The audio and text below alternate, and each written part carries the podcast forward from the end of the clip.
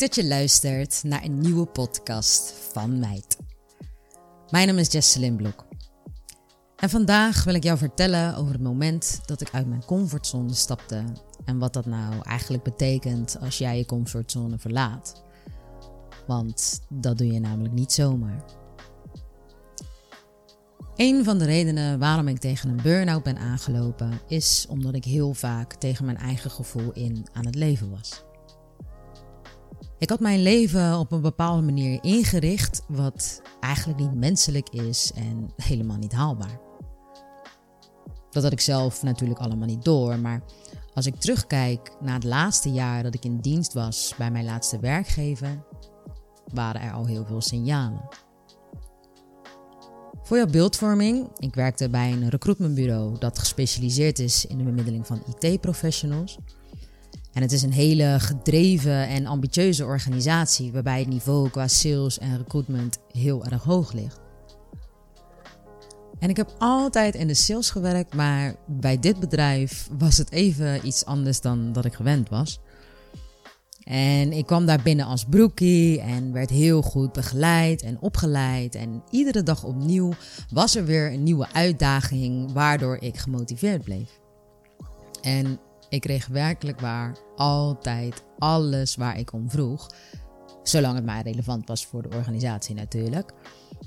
Maar ik kreeg zoveel kansen en heb mezelf op professioneel vlak heel goed kunnen ontwikkelen. En uh, echt bijzonder veel geleerd van iedereen bij dit bedrijf. En ik ben van mening dat wanneer je ergens werkt, dat jouw werkgever er een sport van moet maken om jou continu te stimuleren, motiveren en inspireren. Om het aller, allerbeste uit jezelf te halen. En dat was bij dit bedrijf zeker het geval. En ik denk ook dat dat de reden is waarom ik zeven jaar lang bij het bedrijf ben gebleven. Het voelde voor mij als mijn tweede thuis en de mensen met wie ik werkte, die zijn praktisch familie geworden. Ik heb verschillende functies uitgevoerd, maar het laatste jaar dat ik in dienst was, droeg ik de titel van Business Unit Manager. En ik was verantwoordelijk voor allerlei verschillende dingen. Maar het laatste jaar merkte ik eigenlijk aan het begin van het jaar al dat ik het niet meer zo naar mijn zin had. En ik ging ervan uit dat dat door mijn functie kwam. Dus wat had ik nou gedaan? Ik dacht, ik ga iets nieuws bedenken. Dus ik had een compleet nieuwe functie bedacht, de rol van talent manager. En uh, daar kreeg ik akkoord op en dat gaf mij weer een nieuwe boost. Want ja, ik mocht iets compleet nieuws gaan opzetten. Maar uh, na een tijdje begon het weer aan me te knagen. En ik merkte dat ik mijn functie eigenlijk helemaal niet zo leuk vond als dat ik dacht. En ik kreeg steeds vaker dat gevoel van: oké, ja, ik heb het eigenlijk gewoon niet meer zo naar mijn zin. En volgens mij ligt dat niet aan mijn functie, maar ligt dat aan mij.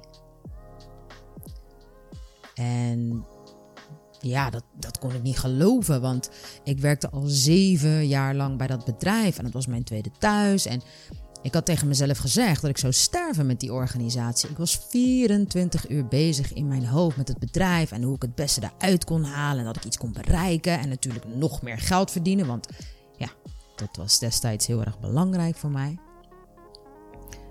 Dus toen er echt voor de eerste keer in mijn hoofd kwam van, oké, misschien is het beter om weg te gaan. Dacht ik echt, nee, dat kan niet. Ik kan niet weg bij dit bedrijf. Ik werk hier al zo lang. Wat ga ik dan doen? Nee, nee, nee, dat kan niet hoor. Ik uh, blijf gewoon hier. maar op een gegeven moment was het allemaal niet meer zo grappig. Want ik begon tegen van alles aan te trappen. En ik wilde allerlei dingen opeens gaan veranderen en implementeren.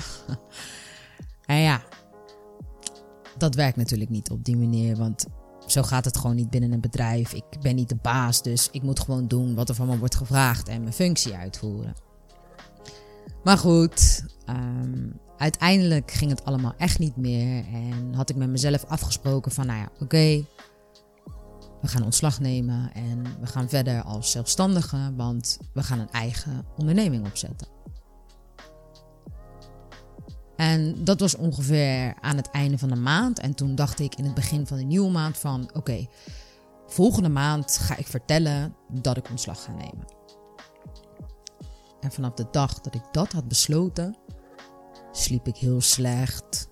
Continu bezig met ja, van oké, maar hoe ga ik dat dan zeggen? En wat ga ik dan zeggen? En ik zat daar heel erg mee in mijn maag, want ja, zoiets is gewoon heel moeilijk om te doen. Maar oké, ik, ben daar dagelijks mee bezig. En ik ben eigenlijk ook niet meer echt aan het werk. Ik ben meer bezig met: oké, ja, wat ga ik dan doen als ik een eigen bedrijf ga opzetten? Hoe, ga ik, krijg ik dat dan voor elkaar? En hoe ga ik dat dan allemaal aanpakken? Ik was echt met van alles bezig. Behalve met werk.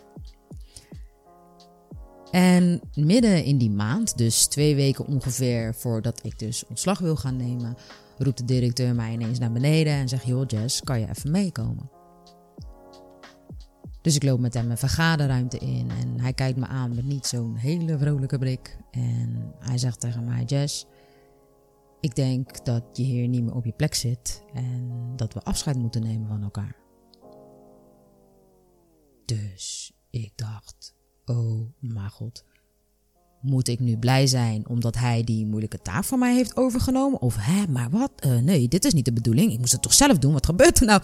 Ik dacht bij mezelf nog van: Oh, Oh, maar dat is eigenlijk wel top dat hij mij dan nu ontslaat. Want dan heb ik een betere onderhandelingspositie. En er schoten zoveel dingen tegelijkertijd door mijn hoofd. En ik wist me nog wel staande te houden. En nog een vrij stoere houding. Een beetje babbelen en uh, een beetje tof doen. En uiteindelijk zeiden we van oké, uh, we gaan het gesprek nu afronden. En uh, laten we dat even op een ander moment weer oppakken.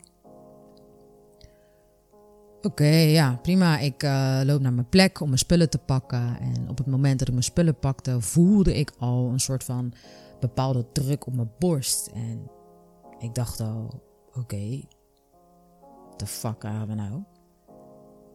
En ik stap in mijn auto en ik rijd weg. En ik ben nog geen 1 à 2 minuten weg van kantoor.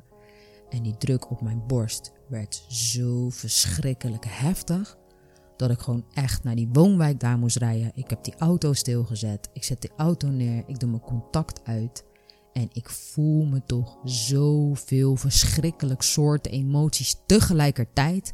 Dat was ongehoord.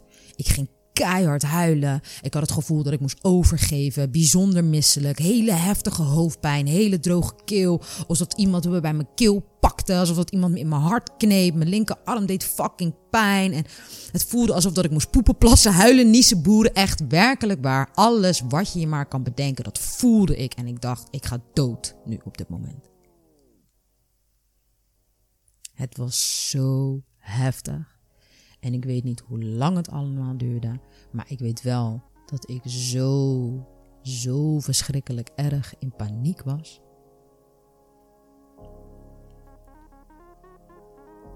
En toen ik mezelf rustig had gemaakt, besefte ik me dat wat er net was gebeurd, was dat de grond onder me vandaan was gevallen en dat ik uit mijn comfortzone was gestapt. Want als jij zo lang ergens werkt en je hebt een bepaalde routine en je hebt een bepaald salaris en je hebt bepaalde zekerheid en dat valt in één keer allemaal onder je voeten vandaan, dan sla je op tilt. En dan krijg je een paniekaanval. En ik denk dat ik daardoor nu ook heel goed begrijp waarom we soms in dezelfde soort situatie blijven of onszelf in dezelfde soort sleur houden. Want ergens diep van binnen weet je dat je niet op je plek zit. Of je weet diep van binnen dat je moet stoppen met de relatie waar je in zit. Maar het gevoel dat je krijgt wanneer je daadwerkelijk iets afbreekt in je leven waar je al een hele lange tijd aan gewend bent, dat is zo extreem. Dat gevoel is zo eng en zelfs echt fysiek pijnlijk. En ik denk dus dat wanneer jij iets moet ondernemen waarbij je een grote verandering aangaat in je leven. En je komt in, dat in, de, in de buurt van het gevoel van het verlaten van je comfortzone. Dat dat gevoel dan zo heftig is dat je tegen jezelf zegt: nee, nee, nee, dit ga ik niet doen. Ben je gek? En ik heb het geluk dat dit nu op deze situatie gebeurde en dat ik op deze manier kennis heb gemaakt met een paniekaanval. Maar ik weet eigenlijk niet eens zeker of dat als ik niet ontslagen was, of dat ik dan inderdaad zelf ontslag had genomen. Of ja, misschien had ik dat dan nog wel een maandje of twee gerekt, omdat ik dat gevoel misschien niet aandurfde te gaan. Dat, dat weet ik niet, want dat is niet gebeurd. Maar wat ik wel weet, is dat op het moment dat je die stap maakt en die paniekaanval incasseert, dat het daarna alleen maar beter kan worden. Want als jij iets wilt stoppen in je leven omdat het jou niet meer dient, om, omdat het jou te veel energie kost of omdat het gewoon iets negatiefs is. En jij maakt die beslissing omdat je je leven beter wilt maken, dan zullen de keuzes die je daarna gaat maken positief zijn. Als je hebt geleerd van de situatie dan, hè? En dat heeft er allemaal mee te maken met: ben ik echt eerlijk naar mezelf? Want ik had het niet meer naar mijn zin bij dat bedrijf. En dan kan ik daar blijven zitten en wachten totdat er een fucking wonder gebeurt. Maar ik heb het niet naar mijn zin en ik ben zelf verantwoordelijk voor mijn eigen leven en mijn eigen geluk. En dat betekent soms dat wanneer je die verantwoordelijkheid neemt, er hele heftige dingen met je gebeuren en het gewoon echt eventjes niet goed met je gaat. Maar ja, je moet altijd eerst door het donker om bij het licht te komen. En hoe dieper je zinkt, hoe mooier het daarna wordt. En ik weet ook niet wie die regels heeft bepaald, maar dat is wel zo. En ik denk dat je de moed en de lef en de kracht die je hebt van binnen, want die hebben wij vrouwen allemaal, naar boven moet halen om de stappen te maken die daadwerkelijk relevant zijn voor jouw geluk. Want als je eenmaal uit die comfortzone bent, dan begin je te wennen aan hoe het is om uit je comfortzone te stappen. En als je daar eenmaal aan bent gewend, dan is de wereld voor jou te klein. Want dan kan je alles. En dan is niks meer eng. Want ja, ik heb nu een paniekaanval gehad. Maar ik leef toch echt nog. en ik heb ervaren wat dat extreme gevoel met mij doet. Dus ik ben gegroeid. Als vrouw zijnde.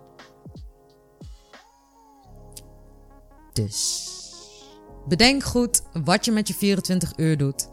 Hou van jezelf en bedankt voor het luisteren.